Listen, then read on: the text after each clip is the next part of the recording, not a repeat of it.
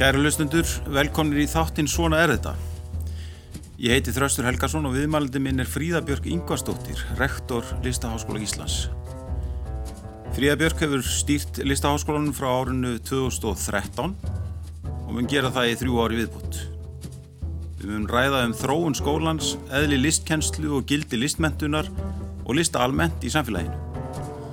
Fríðabjörg er bómyndafræðingur, þýðandi og fyrirverandi menningablaðumar á morgunblaðinu og hefur í mörg ár haft sterkar rödd í umræðum bókmyndir, menningu og samfélag.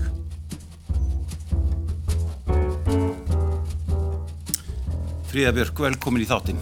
Takk að þið byrjir. Listaháskólinn var stopnaður árið 1999, hann er 21 árs gammal uh, og þú tóstu við hann fyrir 7 árum eins og ég nefndi og þú er unnið að ímsum breytingum á skólanum sem við ræðum betur hérna og eftir. Já. En ég veldi því fyrir mér að þú mætti gera eina breytingu núna burt séð frá kostnaði og öðrum hindrunum sem standa í vegi Hva, hverju myndir þú breyta? Ég myndi alltaf að byrja á því að hverðin er heimsfaraldrin Já. það var það fyrsta en þarfur utan að ef ég ætti slíka óst þá væri það að koma listaháskólunum undir eitt þak mm. í eina byggingu þar sem að væri faglega og veltækjum búi, búnir innviðir og það sem alla listgreinar bara hreinlega mætast uh, og gætu þróast og miðla þessum slagkrafti sem er í raun og veru fælst í listunum uh, og þá fyrst og fremst bara samfélaginu til heila og ég sagði jáfnvel fyrir mér að þarna væri við með eh, til dæmis bara allar miðstöðarlistana mm. í landinu, undir einu þakki með okkur. Og við gætu þarna átt heimili fyrir bæði námsamfélagið og fagsamfélagið mm.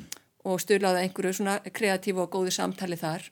Og ég myndi helst vilja vera í nálega við uh, vísindarsamfélagið, fleiri, fleiri vísindagreinar mm. og auðvita fyrst og fremst almenning í landinu mm. því að við eigum svo sannarlega erindi til almennings, það er mikið til okkar að sækja á daglegum grunni og við erum til dæmis með eitthvað vel á annað hundra viðburði sem að almenningi standa og kipist í bóða yfir árið mm.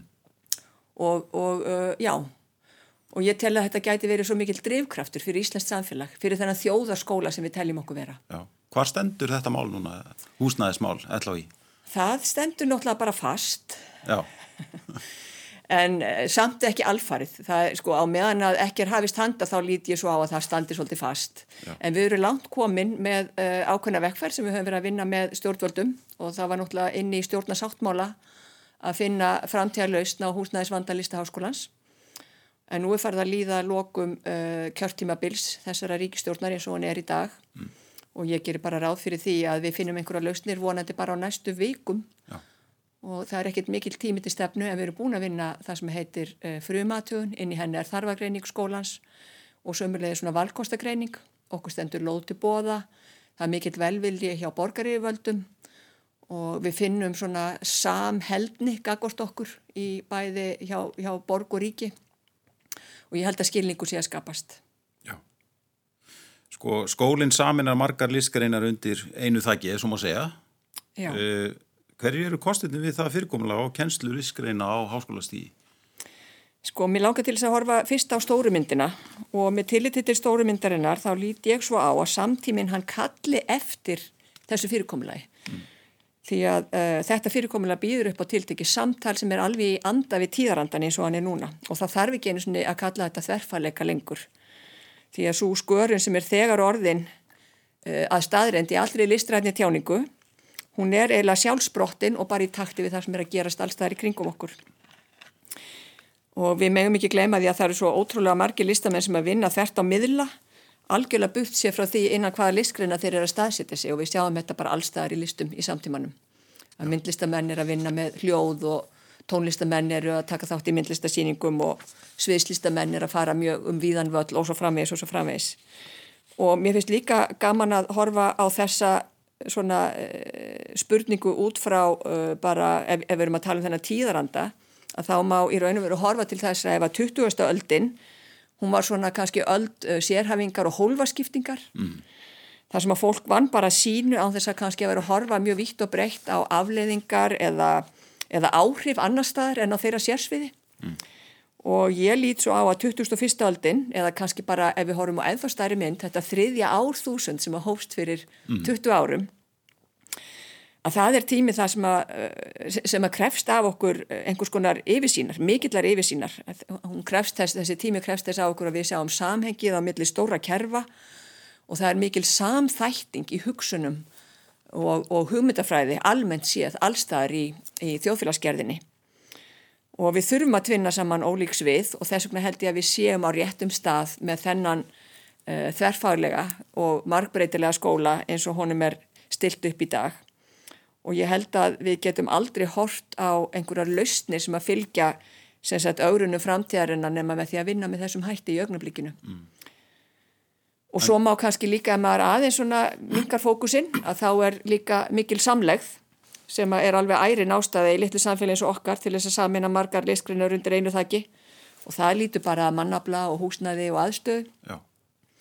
En mér finnst það líka lúta að hlutum eins og til dæmis bara Eh, uppbyggingur rannsóknarinn við það. Til þess að vera nægilega sterk þá þurfum við ákveðna stærð og þá getum við byggt upp rannsóknarinn við. Við getum stuðlaða námsþróun og þróun á námsframbóði sem er þá í takti við það sem að bara samfélagi krefst að okkur. Við erum stöðut að þróa námið í takti við þarfi samfélagsins og það sem að nefnundur vilja. Og svo finnst mér líka mikilvæg þáttur í því að vera þó að þessari stærðagráðu uh, er bara alþjóðastarfið. Já því að við gætum aldrei í, í smerri einingu verið eh, gildandi í alþjóðastarfi að því marki sem við erum í dag og sterkir háskólar þeir eru miklu líklegri til þess að gera sig gildandi ef þeim tekst vel upp til dæmis í alþjóðastarfi bæði hvað varðar uh, þekkingar uh, bara framleiðslu mm. og, og sömulegis bara fjármögnun þessi þekkingasköpun er gríðarlega mikilvæg og eitt kannski sem að maður gleymur stundum í samhengi við alþjóðastarfið er þessi svona þessi yfir þjóðlegi skilningur sem að skapast í gegnum alþjóðastarf og er stundum miklu meira reyfiðaprældur en til dæmis bara hefbundin pólitík. Mm. Það eru ástæður fyrir því að stóra reyningar eins og til dæmis Evrópusambandið leggur svona mikið í sína menta áallun og það er að hluta til vegna þess að þeir gera bara reynlega ráð fyrir að menta áallunin með öllar þessari skörun sem á sér stað á hagsmunum og þekkingu og vilja og, og skilningi að hún leiði svona samfélag þjóðana áfram í rétta átt. Mm. Við höfum aðeins eftir að tala meira um þessa skörun uh, og, og svona eiginlega samtallistana við önnur svið. Einmitt. Er tekni og vísindi hérna og eftir. En maður veldi fyrir þess að við vorum að tala um húsnæðið á þann og uh, ef ég maður rétt er þessi loðu sem ykkur býst er í Vaspmýrinni ekki satt eða uh, Jú. svona nálagt öðrum stórum háskólastofnunum. Já. Uh, sko en maður veldi fyrir sér uh, sko hvort að þetta samtal sko ætti ekki ymitt að vera enn meira sko þá bara formlegt alveg frá byrjun sem sé á myndli sem sé þá list námsins og svo annars náms, háskólanáms og, og hérna hvað segir um það? Mér finnst það ekki spurning. Myndi þessi staðsetning í raun og veru þýða það? Já Algjörlega, án efa og sko krafan til okkar, ef við erum að horfa háskólasamfélagið á Íslandi heilt, mm. uh, hún, hún uh, er svo að við getum starfað í samfélagi við aðra mm -hmm. og við gerum það alveg hyggsta laust, við störfum mjög mikið með mjög stórum og öflugum stofnunum í landinu, hvort sem það eru háskólar eða bara menningastofnunir á öllu tægi mm. og við meirins að vinum með sveitafjölugum og bæjafjölugum og og svo framvegis svo framvegis uh, fyrirtækjum í atvinnurekstri og, og þar fram eftir göttunum. Mm en sem sagt sko þessi krafa um samleið í kerfin í heilsinni hún er ekki bara fjárhagsleg, hún er hugmyndafræðileg mm -hmm.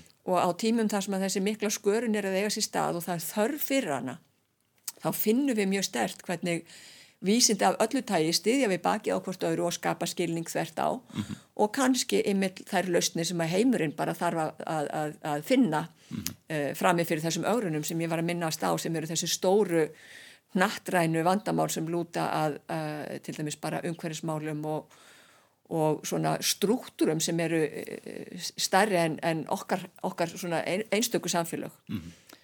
og ég held að við gætum unnið miklu miklu meira saman ef við værum þarna í meiri nánd og meira návíi samtali væri auðveldara, það væri óformlegra. Mm -hmm og það væri eh, sagt, forsendur fyrir því að auka það í miklu mæli með markvísu átaki mm. og það er viljið til staðar allstaðar. Já. Ég hef ekki ennþá í raun og veru komið inn í þá stofni þessi sjó ár sem ég hef verið rektorlista háskólans að svo stofnun hafi ekki vilja vinna með okkur. Mm. Það er alveg gríðalegu velvili í garð okkar gagvart samstarfi. Já. Sko, skólinn býður upp á, skoðum aðeins bara skólan sjálfan, hann býður upp á mjög fjölbreytt nám í nánast öllum listgreinum. Og en hann er svona í alþjóðlegum samanbyrði uh, ekki mjög stór eining. Það eru hérna ne nefnundur eru frekar fáir ekki satt eða hvað? Jú, sko eða þið berið ykkur saman við sambærlegar stofnarnir erlendis. Já, sko það má ég raun og verið segja að við séum í, í lítil skóli en við erum líka að vinna í mjög smáu samfélagi. Mm. Þannig að við erum lítil miða við suma en það eru reynda til alveg sko smarri skólani þeir eru þá sérhæfðari heldur en við Já. og ég held að þessi sko þessi svo staðreind að við erum að vinna þvert á alla list, listgreinarnar að, að kvikmynda gerð undanskilinni í það minnst að svo komni máli það er gríðarlega mikil styrkur mm -hmm. og það skapar okkur svo mikla sérstöð ellendis þannig að þótt við séum smá þá höfum mikinn slagkraft við til dæmis tökum þátt í samstarfi allra tengsla neta listgreinana Já. og það er ekki margir skólar sem eiga aðild aðeim öllum eins og við mm -hmm að sumir skólar eru reynir arkitektaskólar, aðrir eru reynir sviðslistaskólar og svo framvegs mm -hmm. og við í raun og veru erum svolítið svona saminandi afl þegar kemur að þessum svona uh, þessu alþjóðlega háskóla starfi og, og, og getu til þess að tala þvert á mæri listana mm. Og svona þolmörk listana sömu leiðis mm. Þannig að ég held að þetta sé nú, við, við erum ekkert svo lítil sko. Nei, nei. En, en samt sem áður. Ég er eiginlega veltaði fyrir mig hvað sko kostirnir við það. Uh... Já, það eru ákveðni kostir og þeir félast kannski fyrst og fremst í því að við erum mjög sveianleg mm. og við erum fljóta að taka við okkur og fljóta breytast mm. og höfum svona mikla seglu þegar kemur að uh, nýjungum og, og breytingum. Það er, það er ganga hratt og vel fyrir sig þegar stórar háskólastofnanir til dæmis og, og, og stórar og í talinu ekki um aldagamlar uh, listaháskólastofnanir eiga oft mjög erfitt með reynilega bara að, að halda sinni hugmyndafræði í takti við samtíman bara út frá sínum gamlu struktúrum hefðir geta verið góðar til að byggja en þar geta líka verið stundu til trafala. Já. þannig að ég held að við séum bara doldi lukkuleg með þessa stærð á okkar uh, einingu. Það er, við ráðum vel við hana ég held að sé ekki fórsöndu fyrir því að stækka listaháskólan mjög mikið inn í íslensku samfélagi mm. öðruvísinu það verði mikil bara reynilega mannfjölgun á Íslandi Já. og við ættum reyndar alveg sóknarfæri á alþjóðlega markaði og það er mikil sókn í skólan miklu meiri heldur en við hefum getað annað uh, eh, ellendis frá og það væri eitthvað svona sóknarfæri sem væri alveg hægt að horfa til ef að það til dæmis væri markvis uh, ákvörðun tekinni í samráði við bara stjórnvöld Já. en eins og er að þá er til dæmis bara þak á samningi okkar gagvart stjórnvöldum fyrir Já. því hvað við megum menta marga hverju sinni. Einmitt. En sko ákverju byggi það? Þú veist, ég er að velta fyrir mér sko hafið, hafið, hafið þið skoðað sérstaklega uh, sko hérna já, velti fyrir ykkur hversu mikið af fólki með lísmentun við þurfum eða ættum að útskrifa? Já, einmitt. Er, er tilengus lík viðmið? Sko ég hef ekki séð þau Nei. og ég veit eiginlega ekki út frá hvaða þörfum slík viðmið ættu að vera unnin. Nei. Og ég sko trúi því að það sé mjög erfitt að sjá fyrir til dæmis hvernig atvinnulíminu þróast mm. og eitt af því sem að listinir hafa til að bera og við kannski myndust ekki á hérna áðan er það að þær, þegar við vorum að tala um önnur vísindi, er það að þeim er ekkit óviðkomandi. Er leita í öll önnur vísindi sem að hægt er að hugsa sér. Mm -hmm og það er ekkert undanskilið. Listinnar er alltaf að gera því skil sem er efst á baui í samfélaginu hverju sinni eða vinn upp úr hefð og því sem er, eh, hefur einhverja, einhverja skýrskotinni í samtíman hverju sinni og svo framvegis og svo framvegis. Þannig að eh, ef við horfum til þess að það er alveg gríðarlega erfitt að, að sjá fyrir sig hvernig hreinlega bara atunilíf munu þróast á öllum sviðum þrátt fyrir allar spár sem verið er að reyna að vinna og svo framvegis þá er líka mjög erfitt að sjá fyrir sér uh, hvert mentun mun leiða fólk mm. í lífunu, Já. yfirleitt og, og hvað þá hvernig mentun úreldist eða, eða hvort við getum séð fyrir okkur nýja kröfur um hvar uh, ný þekking þarf að koma fram þetta er svona eitt þáttur mm -hmm. sem er náttúrulega gríðarlega stór þegar við erum að hugsa um fjárhagsramman sem að mentun er rekin á í hverju samfélagi fyrir sig mm. en svo er hitt að ég trúi því líka og það er bara mjög uh, mikilvægt að halda því til haga að hver og einn einstaklingur hafi, hafi frelsi til þess að velja sér þá framtíð sem hendar hans uh, uh, mannkostum og hæfileikum mm. og, og það þarf náttúrulega að vera eina þess ramma að, að viðkomandi standist þar kröfur sem eru gerðar til hans á þessu þekkingasviði en svona mín skoðun er svo að listirna rétt eins og önnur fræðasvið ef að mentunin er góð og þekkingar uh, sagt, aukningin mikil, ef að þekkingasköpunin er sterk að þá ræður þú við þá framtíð sem að við þér blasir sem einstaklingur mm. og við getum í raun og veru enga eh, hugmynd gert okkur um hvernig svo framtíð er 20-30 ár fram í tíman, við vitum það bara ef við horfum 20-30 ár aftur í tíman. Mm. Við vitum að það eru mikla breytingar í farvatninu og það er einhvern veginn okkar skilda að sjá til þess að nefnundur fari út í lífið með einhverja verkvarakistu og svo eru þau vantalega þeir frumkvölar í sínu lífi að þau finni þessum verkværum einhver verðu viðfáðsefni. Mm -hmm. Hvernig eh, nefnundum eru þið að skila, eða hvernig fólki eru þið að skila út í samfélagið eða hvernig fólki viljið þið skila út í samfélagið? Við viljum vinna eh, þannig að okkar nefnundur fara út í samfélagið eh, sem, sem hugrakir einstaklingar mm -hmm. og þeir, þau þurfa að vera búa yfir umtalsverðir í seglu mér finnst líka alveg gríðalega mikilvægt að við horfum til þess að þau uh, séu uh, færum að takast á við hvað svo sem þau langar til að takast á við eða þurfa að takast á við. Þetta eru svona hlutir eins og til dæmis bara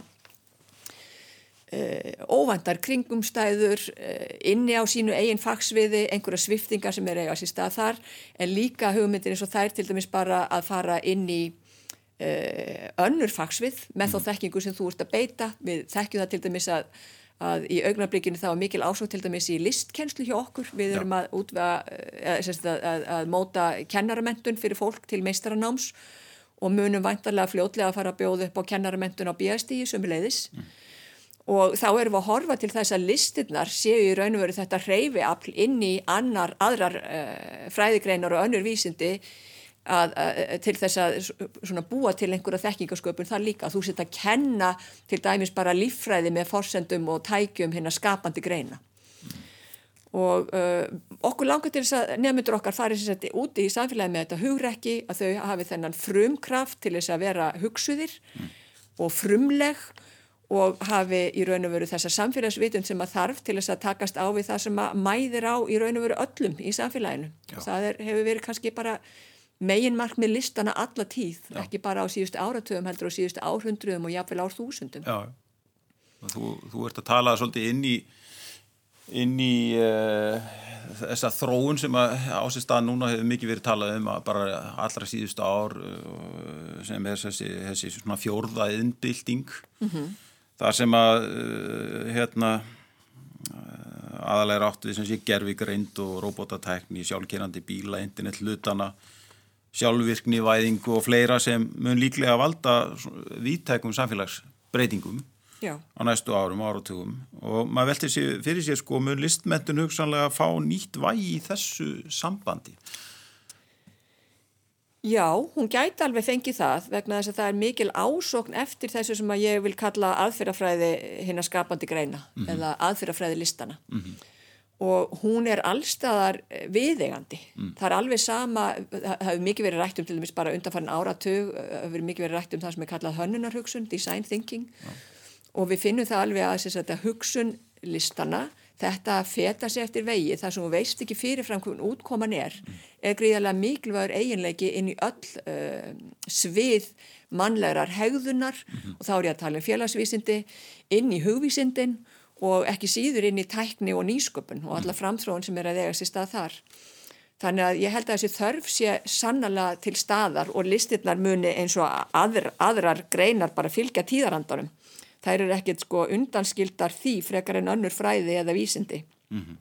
Þær eru bara órófa þáttur í samfélagsgerðinni mm -hmm. og mhm. hafa verið það frá örófi alda mm -hmm. og kannski meiri segja umframarkar aðra ratvinugreinar. Og það er ákveði gildi í því líka að, að vera að vinna inn í geira sem hefur þessa festu í bara mannkinsögunni mm -hmm. bara sögu mannsandans eins og hann leggur sig ja. og ég held að það megi sannlega leggja meiri áherslu á það ég lít svo á að, að ef við erum að horfa bara grunnstóðir í svona mannvænu mannvætni samfélagsgerð að þá erum við að tala um gott heilbríðiskerfi, við erum að tala um góða mentun og við erum að tala um líðræðislega hugsun, framþróun líðræðisins. Mm -hmm. Og uh, mentun og menningin er náttúrulega bara órufa þáttur af því. Mm -hmm. uh, við erum eiginlega að tala um listmentun sem eitthvað annað heldur en uh, undirbúning fyrir það að verða listamæður. Veistu, veistu hver stór hluti nefndana þína sem útskrifast verða starfandi listamenn? Hafið ykkur rannsóknir á því? Já, sko, við, við erum með kannanir alltaf Já. á og til og með, eh, ekkert af og til, heldur með reglulegu millibili reyndar mm. á því hvernig okkar nefndum farnast og það Já. er tóltið aðtilsvægt að horfa til þess að það er til dæmis lítið atvinnuleysi meðal okkar útskrifuðu nefnda og það Já. var merkilegt að horfa til þess eftir síðustu kreppu, upp úr efnaðarskreppunu 2008. Já, það er merkilegt. Já, það er doldið merkilegt Já. og það þýðir að nefnundur okkar på þeir búi yfir ákveðinni seglu, þeir geta máta sér í mjög ólík hlutverk Já. og listurnar hafa þetta erindi inn í samfélagið á svo mörgum sviðum. Já. Það er eitt. En við veitum líka að flest allir og bara ég vil, treysti mér alveg til að taka bara doldið stórt upp í mig í því samhengi að flest allir sem er að gera sér gildandi sem listamenn á Íslandi í dag eru útskrifaður úr listaháskólanum. Mm. Þannig að við vitum að það er gríðarlegu fjöldi nefnda sem hefur í raun og veru farið þennan eða feta þennan þraungastíg eh, til þess að vera bara einvorðinga sinna sinni list. Mm -hmm. Og við erum náttúrulega gríðarlega ánað með það en við vitum líka að svo mentun sem við erum að veita að hún nýtist í margvíslegum öðrum greinum mm -hmm. og fólk fer bara mjög vítt og breytt með þessa mentun nákvæmlega eins og við vitum að sá sem að menta sér í viðskiptafræði hann endar ekkit endilega í viðskiptum. Mm -hmm. og hjúkunafræðingurinn endar heldur ekkit endilega í hjúkurinn og eh, þannig að sko það er bara þessi krafa fyrir, frammi fyrir mjög óræðum tíma, óræðir í framtíð stórum áskoranum og svona marg uh, brotnu samfélagi sem að meðal annars hefur breyst bara út frá uh, þeirri tækni sem hefur verið að þróast undan áratug og síðustu tvo áratug kannski sérstaklega mm.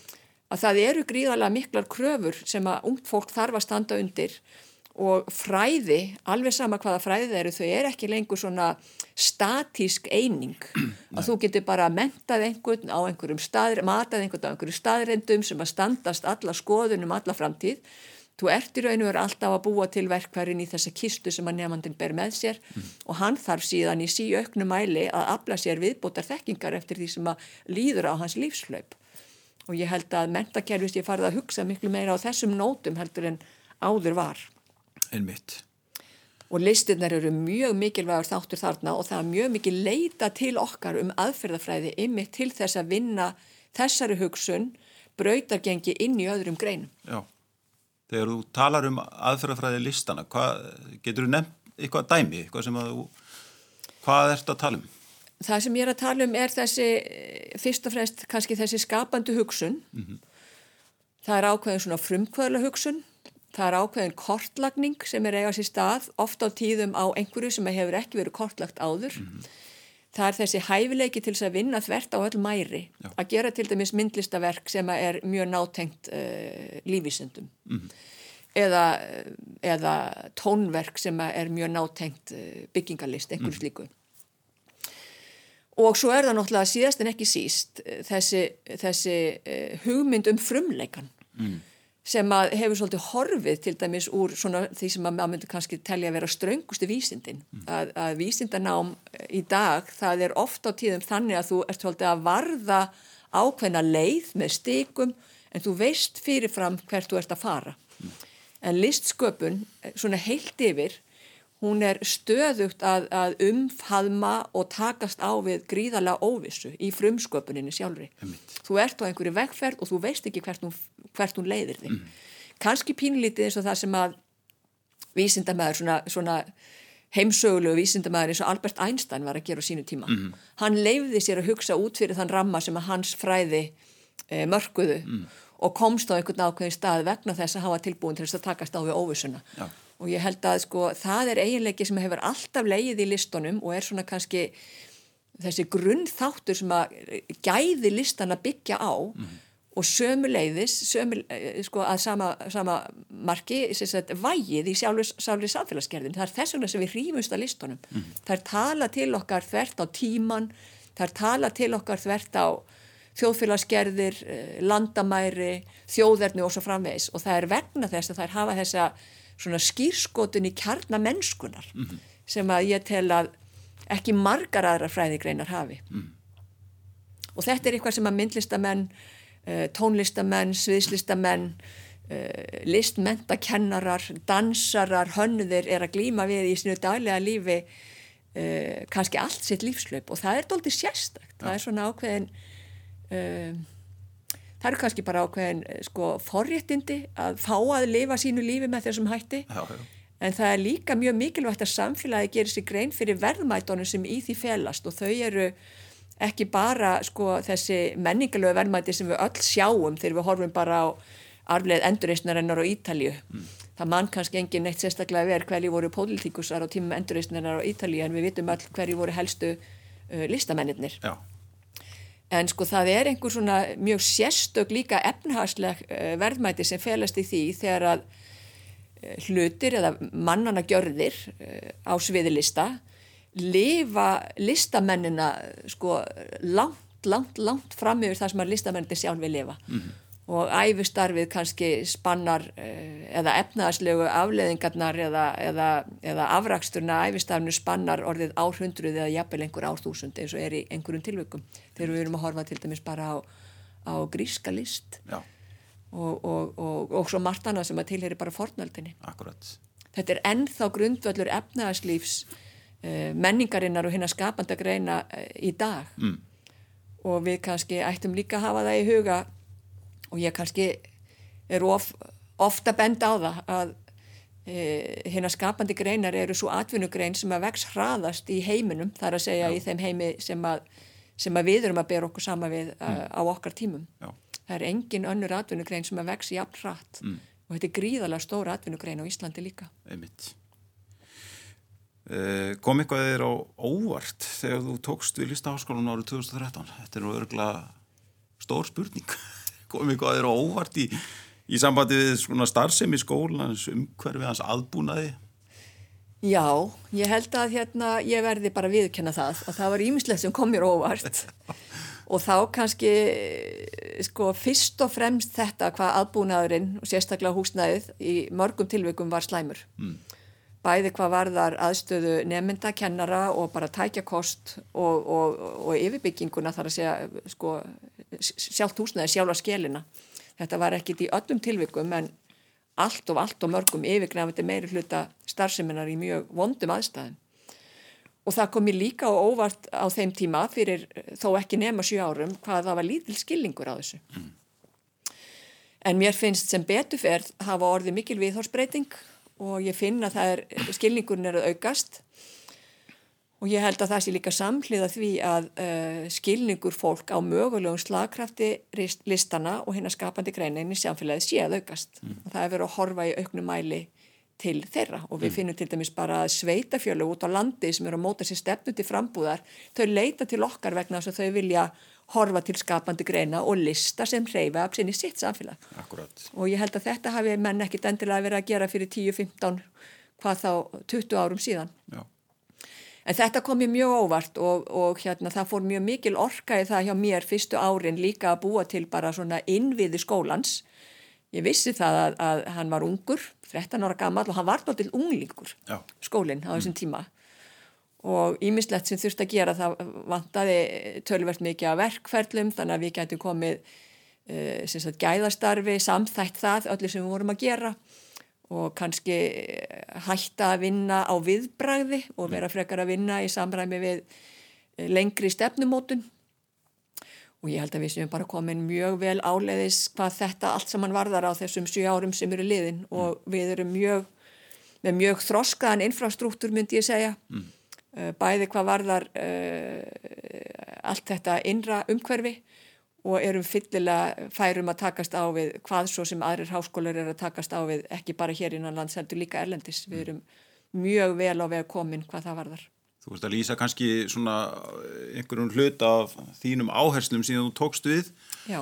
en hva, hverjar hafa svona kannski uh, hver, hver hafa verið þín svona kannski helstu hver er helstu breytingar það sem þú gert á skólanum og á kannski áherslum hans Sko það sem að að við... maður finnur að það er meira áherslu á til alltíða samstarf Einmitt. er meira áherslu á framhaldsnám og ímislegt svona sem maður svona hefur bara á tilfinninguna hafið elst Já, við erum náttúrulega að leggja gríðarlega mikla áherslu og höfum verið að gera það undan farið fjögur, fimm ár til dæmis á rannsóknir mm.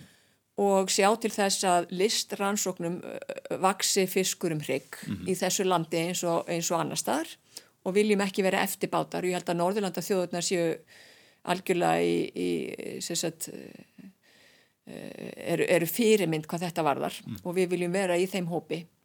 Þannig að þetta er svona mikil áherslu breyting og það þýðir ekki endilega að sko allir sem að allir sér að verða listamenn þurfi að, að stefna því að skrifa doktorsitt gerðum sína list. Mm. Heldur er þetta, þetta er viðbót við stóra, stórt fræðasvið sem að getur sem sagt, stuðlað því ymitt að, að skörunin við önnur fræðasvið aukist og það sem að þetta fræðasvið er að skila samfélaginu sé miklu miklu veglegri uh, hlutdeild. Þannig að það er eitt, við höfum verið að vinna mjög mikið í rannsóknum, við höfum líka verið að reyna að horfa til þess að, að, að, þróa listgreinarnar inn í skólanum þannig að við séum að mæta tímanum, uh, bara uh, tíðarandanum mm.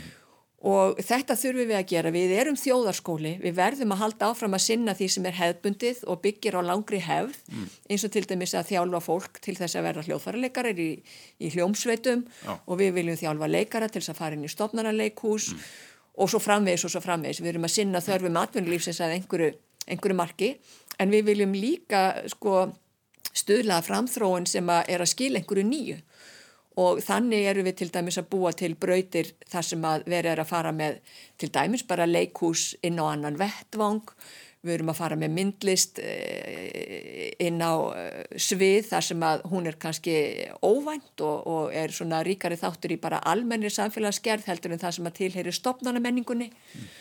Og uh, við erum að reyna að, að mæta því sem að til dæmis nefnendur í tónlist hafa gríðarlega mikinn áhuga á, á Íslandi að því er virðast við erum með ótrúlega sterka og öfluga kennslu á sviðum tónsmíða sem er mjög óvenjulegt, það er svona stór hluteld af starfi tónlistadeildar, hversu margir vilja vera að stunda tónsmíðar mm. og ég held að við sjáum þess bara stað í því sem er að gerast síðan í menningarlífi landsins, við mm. eigum afskaplega stór og sterk tónskáld sem spanna vilt svið, allt frá því að vera að vinna í, í kvikmyndum, svo til dæmis bara Hildur Guðnádóttir mm. og, og yfir í það að vera að vinna með Bellinar Fílharmoníunni eins og Anna Þorvaldsdóttir. Og, og hérna allt þarna á milli þannig að við höfum kannski verið í auknum mæli að vera bæði að horfa til þess að vera framsýn og uh, ekki bara sporgöngu fólk í skilningi hefðarinnar heldur líka að vera framsýn þannig að Ísland geti verið svolítið í fremstu röð og ég sé fyrir mér að sko næsta stig í þróun og þróska skólans er í raun og veru að hann sem eh, skóli með tiltakna sérstöðu, ekki bara á Íslandi því að við erum náttúrulega alltaf bara besti og vesti skólinn hér því við erum einu skólinn að hann hafi og marki sér einhverju sérstöðu ellendis og geti deilt því sem við höfum verið að gera, gera vel og það er sannlega margt. Við eigum alveg er, erinda á þessum erlenda uh, sagt, á, á, inn á þetta erlenda háskólasvið. Já, hvernig þá getur þú aðeins? Ég held að sko það er frekar sérstakt að spanna alla lífsgreinar það eitt og sér skapar mm. okkur sérstöðu sem að gera okkur eftirsoknaverði í samstarfi.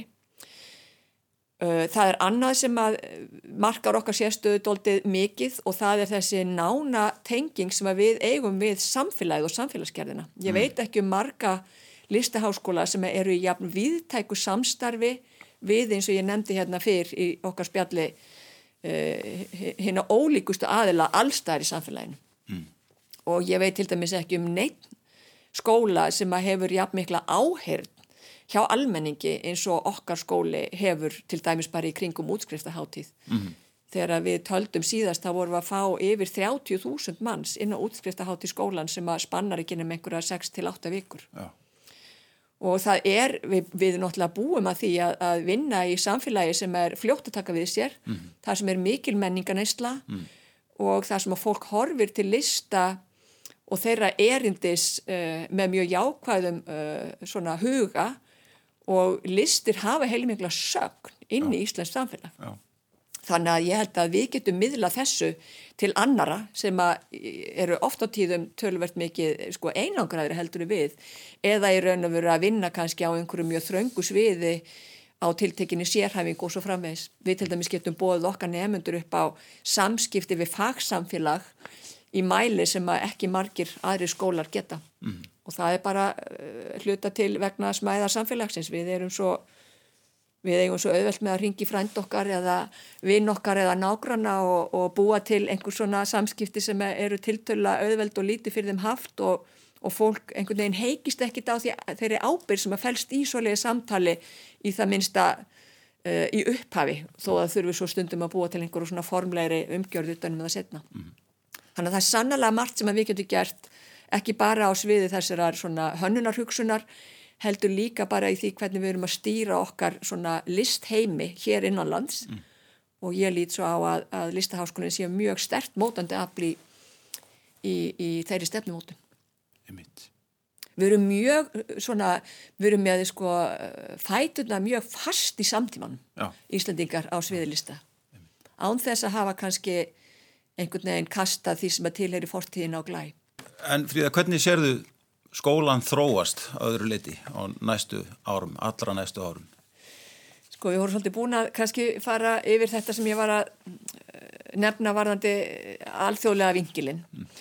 En ég held að eh, ef við tölum okkur bara í hring að upphafið þessa samtals þar sem við vorum að tala um þessa byggingu sem að mér er mjög hugleikin, þá held ég að það sé engin leið að gera sig grein fyrir hver slagkrafti slíkara bygginga gæti haft inn í Íslands menningarlíf og þá er ég að tala um gagvart uh, bara til dæmis ferðamennsku, aðráttaraflið, gagvart uh, aðilum erlendis frá uh, sem einhvers konar miðlun, miðlunar miðstöð á íslenskum listum og íslenskri menningu sem er bara alveg fyrirtags útflutningsvara og við veitum það orði, það er löngu búið að sanna það. Mm -hmm.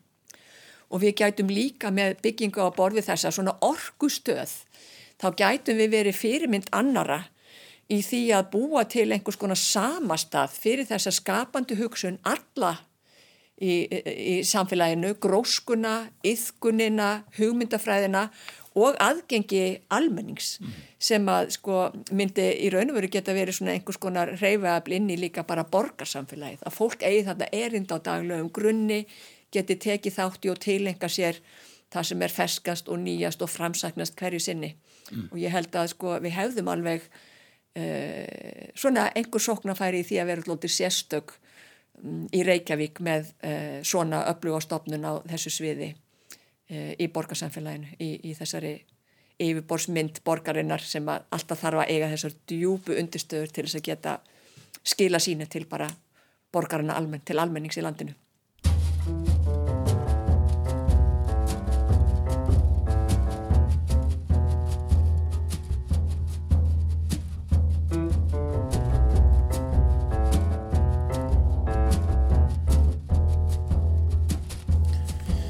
Kæru lausnendur, ég heiti Þraustur Helgarsson og þið eru að hlusta á þáttinn Svona er þetta. Gæstu minna þessu sinni er Fríða Björk Ingvarsdóttir, rektor Listaháskóla Íslands.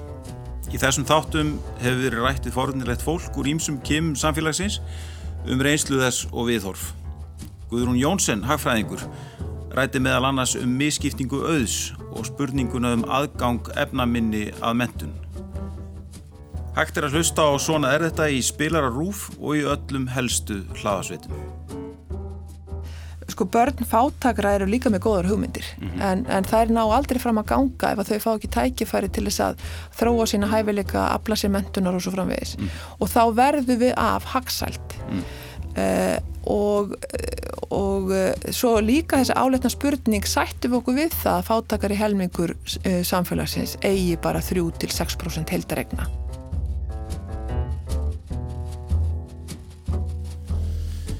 Fríða Björk, við höfum verið að ræða aðeins snertifleti lista háskólans við samfélagið og atvinnulífið. Og það er kannski ekki alveg ástæðu lausu því að listirnar hafa sannlega verið stór hluti af samfélaginu og atvinnulífinu, líðræðisleiri umræðu jafnvel. Og á síðustu áratugum finnst manni listinnar vera í æg meiri tengslum við til dæmis vísindi og tekni og þetta hafa listunar alltaf gert, það er tengja sig við þau svið mannlýfsins sem eru í hvað mestri gerjun hverju sinni og þetta er líklega einna mestu styrkleikum listarinnar uh, eða hvernig upplifur þú sjálf samband listar og samfélags nú um stundir? Mér finnst þetta mjög góð greiningaður og ég held að þetta sé alveg hárétt. Mér finnst þetta að vera stert samband. Listneisla, hún er gríðarlega mikil og það er hlusta á það sem að uh, listinnar hafa fram að færa, það er njóta aðtikli framar vonum og ég held að það sé hlusta og listamenn þeir fá áheirn og, og aðtikli. En það sem að kannski vandar upp á er að sjá hlutverk listana til dæmis í þessu sem að þú ert að nefna Uh, og, og, og, og draga fram sem líðræðislega umræðu mm -hmm. því að listirnar eh, sko, þær hafa hæfileika og afl til þess að draga það fram í líðræðislega umræðu sem að margar aðrar greinar hafa ekki. Mm og ef við horfum til dæmis til þess hvernig við erum í raun og vera að móta okkar líðræðis umræðu þá erum við alls sammálum það í líðræðissamfélagum að, að, að hérna, auki líðræði er okkar helsta markmið mm og við viljum bæta okkar umhverfi.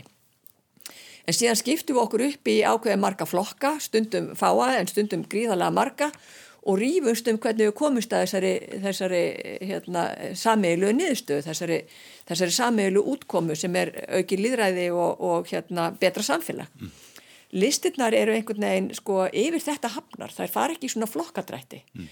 Er vinna alltaf út frá einhverju svona, uh, hvað ég var að segja, stað þar sem að tilgangurinn helgar ekki meðalið mm.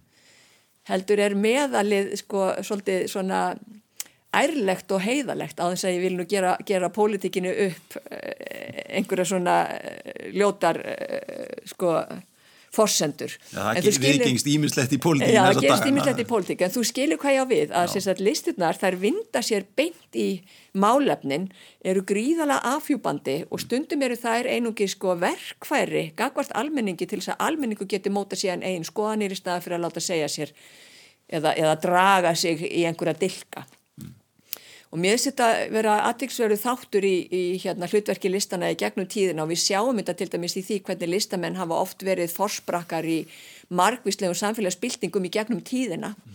Hvernig til dæmis listamenn áttu þátt í 68 byltingunni ásamt stúdentum hvernig listamenn hafa átt þátt í byltingunni sem að tengist til dæmis bara e, ba, baráttu e, ólíkra þjóðfélagshópa mm. hvort sem þeir eru fátakir eða hvort sem það tengist e, húðlit eða, eða einhverju slíku. Við erum alltaf að vinna með listinnar á einhverjum grunni sem að snertir á mennskunum þessum mannlega mm. og þetta hafa listinnar raun og veru umfram hefbundin stjórnmál. Það er hafa þess að sögn og þessa beinu tengingu við hvern og einn einstakling sem að mér er mjög forvitnileg mm. og ég held að, að þessi tenging sem að þú varst að lýsa eh, sé bara eh, alveg jafn sterk og hún hefur alltaf verið hún er, það er í eðli listana að takast á við sinn samtíma hverju sinni með þeim meðulum sem að sá samtími krefst mm. og með þeim meðulum sem að höfðar til þeirra sem að lifa á þeim tímum mm. það er líka eitthvað sem að listirnar hafa og ef að listirnar er að verða sérhefðar á einhverju sérstöku sviði þá er það kannski helst í því hvernig listirnar eru farnar að nálgast sinn viðmælanda mm. eða áhorfanda eða hlustanda eftir því eh, hvernig við, inn í hvaða listgrein við erum að, að vinna. Það er mjög mikil hreyfing í því núna í okkar samtíma að færa listirnar til sem flestra mm -hmm. að brjóta niður þessa múra sem að kannski hefbundnar og, og háleitar uh, stopnarnir, menningastofnarnir hafa búið til um sig mm. í, í kringum sig að, að listirnar eru svona svolítið að, að fara inn, það, inn, inn í þann farvega að þær vilji vinna á öðrum stöðum en innan hefbundi stopnarnastruktúrs mm. Það hefur verið eh, svona á undanförnum árum mikið verið rætt um listir sem skapandi greinar og þú notaði þetta hugtak hérna fyrir í þessu samtali og, og þá er engum vísa til hlutverslista og menningar í atvinnu og efnaðarslífinu. Um, Sum þykir þetta tal vinna gegn hinnu fagfræðilega gildi lista. Uh, hvað segir þú? Er mikilvægt að halda efnaðarslífu framlægi lista til haga? Já, mér finnst það mikilvægt. Í það minnst að svo fremi sem að efnaðarslífu framlægi annara grundvalda þáttar samfélagsins er haldið til haga. Ja. Því þetta er bara einna af þessu grundvalda þáttum. Mm og ef við horfum til þess eins og ég er búin að segja að listirna lifa allt og þær hafa sínta í gegnum árþúsundin að þær standast tímans tönn betur en flest annað að þá hafa þær verið eh, uppspretta gríðarlegar auðlegðar. Og mér finnst að listamenn geti alveg kynróða laust horst í augu við þá arfleið sem að þeir skilji eftir sig í gegnum söguna. Mm. og, og þannig að mér finnst það mjög mikilvægt og ég held að sko fagurfræði og markaðs uh, hugsun hvers tíma fyrir sig er kannski eitthvað sem að stangast yðurlega á mm. en uh, gildi listana þegar að framísækir og, og tímin líður er alltaf uh, gríðarlega mikilvægt í efnaðarslegu skilningi en það er kannski ekki alltaf auðvelt að sjá það fyrir Nei. hvað nákvæmlega er sem lifir af og, og mun hafa mesta efnaðarslega vægi. Það, það breytist með tíðaranda hverju sinni og, og samfélagsgerðinu og bara ástandin í samfélaginu en, en efnaðarslegu þátturinn er gríðarlega mikilvægur og mér erst mjög uh, mikilvægt að halda honum til hafa. Já, nú langar með þetta í, í lokin, hérna, aðeins til þess að forvittnast. Þú ert að fylgjast með ungu fólki uh, að þreyja fyrir sér í, í listum á nánast hverjum degi, gerir ráð fyrir hvað, hvað verður helst vörfið bara þessa dagana í, hérna, hvað, hvað er það sem að ungt fólk í listum er að hugsa um og, og hver er þeirra fagfræði getur þú tekið utan um það í bara örfáum orðum? Ég held að fagfræðin sé svolítið eh, mótuð af í raun og veru þeim áskorunum og þeim skilabóðum og viðfánsefnum sem þau eru að vinna með mm og mér finnst mjög aðtilsvert að horfa til þess hversu upptekinn þau eru af samfélagslegum og nattrænum áskorunum. Já. Og ég held að það eigi bara við um þessa kynnslóð sem er að vaksa upp núna, þessa, þessa, þessa aldamóta kynnslóð sem að er í raun og veru svolítið að bera hitan og þungan af gjörðum fyrir kynnslóð og sínum herðum. Einmitt. Og þarf að horfast í augu við heimsmynd sem að kannski aðrir hafa ekki þurft að horfast í augu við. Já. Og þetta er mjög sláandi. En þau hafa líka doldi mikið áhuga núna finnst mér á skínrænum þáttum Já. og í því eh, fælst jafnvel einhver endurskoðun aðfyrrafræði og áherslum fyrir tíma. Þau eru ekki eins skinnkjent fyrir til dæmis því stafræna og maður skildi. Nei, þau eru mjög mikið að hverfa aftur til gamallar verkhefðar og gamalla aðferða og, og, og gamalla efna. Mm. Þannig að það er svona einhver endurvinnsla eiga sér stað líka sem er kannski líka leiðastefi í samtímanum endurvinnslan. Já, já en svona heilt yfir þá finnst mér bestu listamenn okkar samtíma bara að vera ákvæmlega hugrakir og, og hugmyndaríkir bæði í efnisvali og efnistökum og, og það er náttúrulega það eina sem skiptir máli. Já. Hvað er grunn hugmynd um listina? Viltu að nýjúskruða listnemi fara með út í lífið? Ég myndi vilja sjá þá uh, fulla af hugreiki að þeir nálgist listina af hugreiki og þeir séu forvitnir og áræðinir og sömuleiðis að þeir finni stert til þess að þeir geta látið til sín taka við að bæta heiminn hreinlega með sinni sín og með sinni gaggrínu hugsun. Við erum að reyna að menta listamenn þannig að þeir séu mjög, mjög gaggrínir góðir í að lesa í struktúra og, og framtíðina og það skiptir kannski ekki höfumáli hvort að skalin sem þeir eru að hafa áhrif á er stór eða smár. Mm því að það fyrir svolítið eftir einstaklingnum og, og, og listu viðfanginu á hvaða skala þú vilt vera að vinna. En ef að hugafarið er sérstaklega byggt á staðgóðri þekkingu og vilja til þess að halda áfram á þróskastinn í framtíðan þá getur fólki hreinlega ekki mistakist. Ríða Björka, mjög gaman að fá því þáttinn. Gangið vel að þróa þína mikilvægu stopnun áframlega, mentastopnun og liststopnun í raun og veru. Eh, takk fyrir komuna. Takk að þér fyrir að hafa mig. Kæri lausnendur, við verðum hér aftur að viku liðinni. Góða stundir.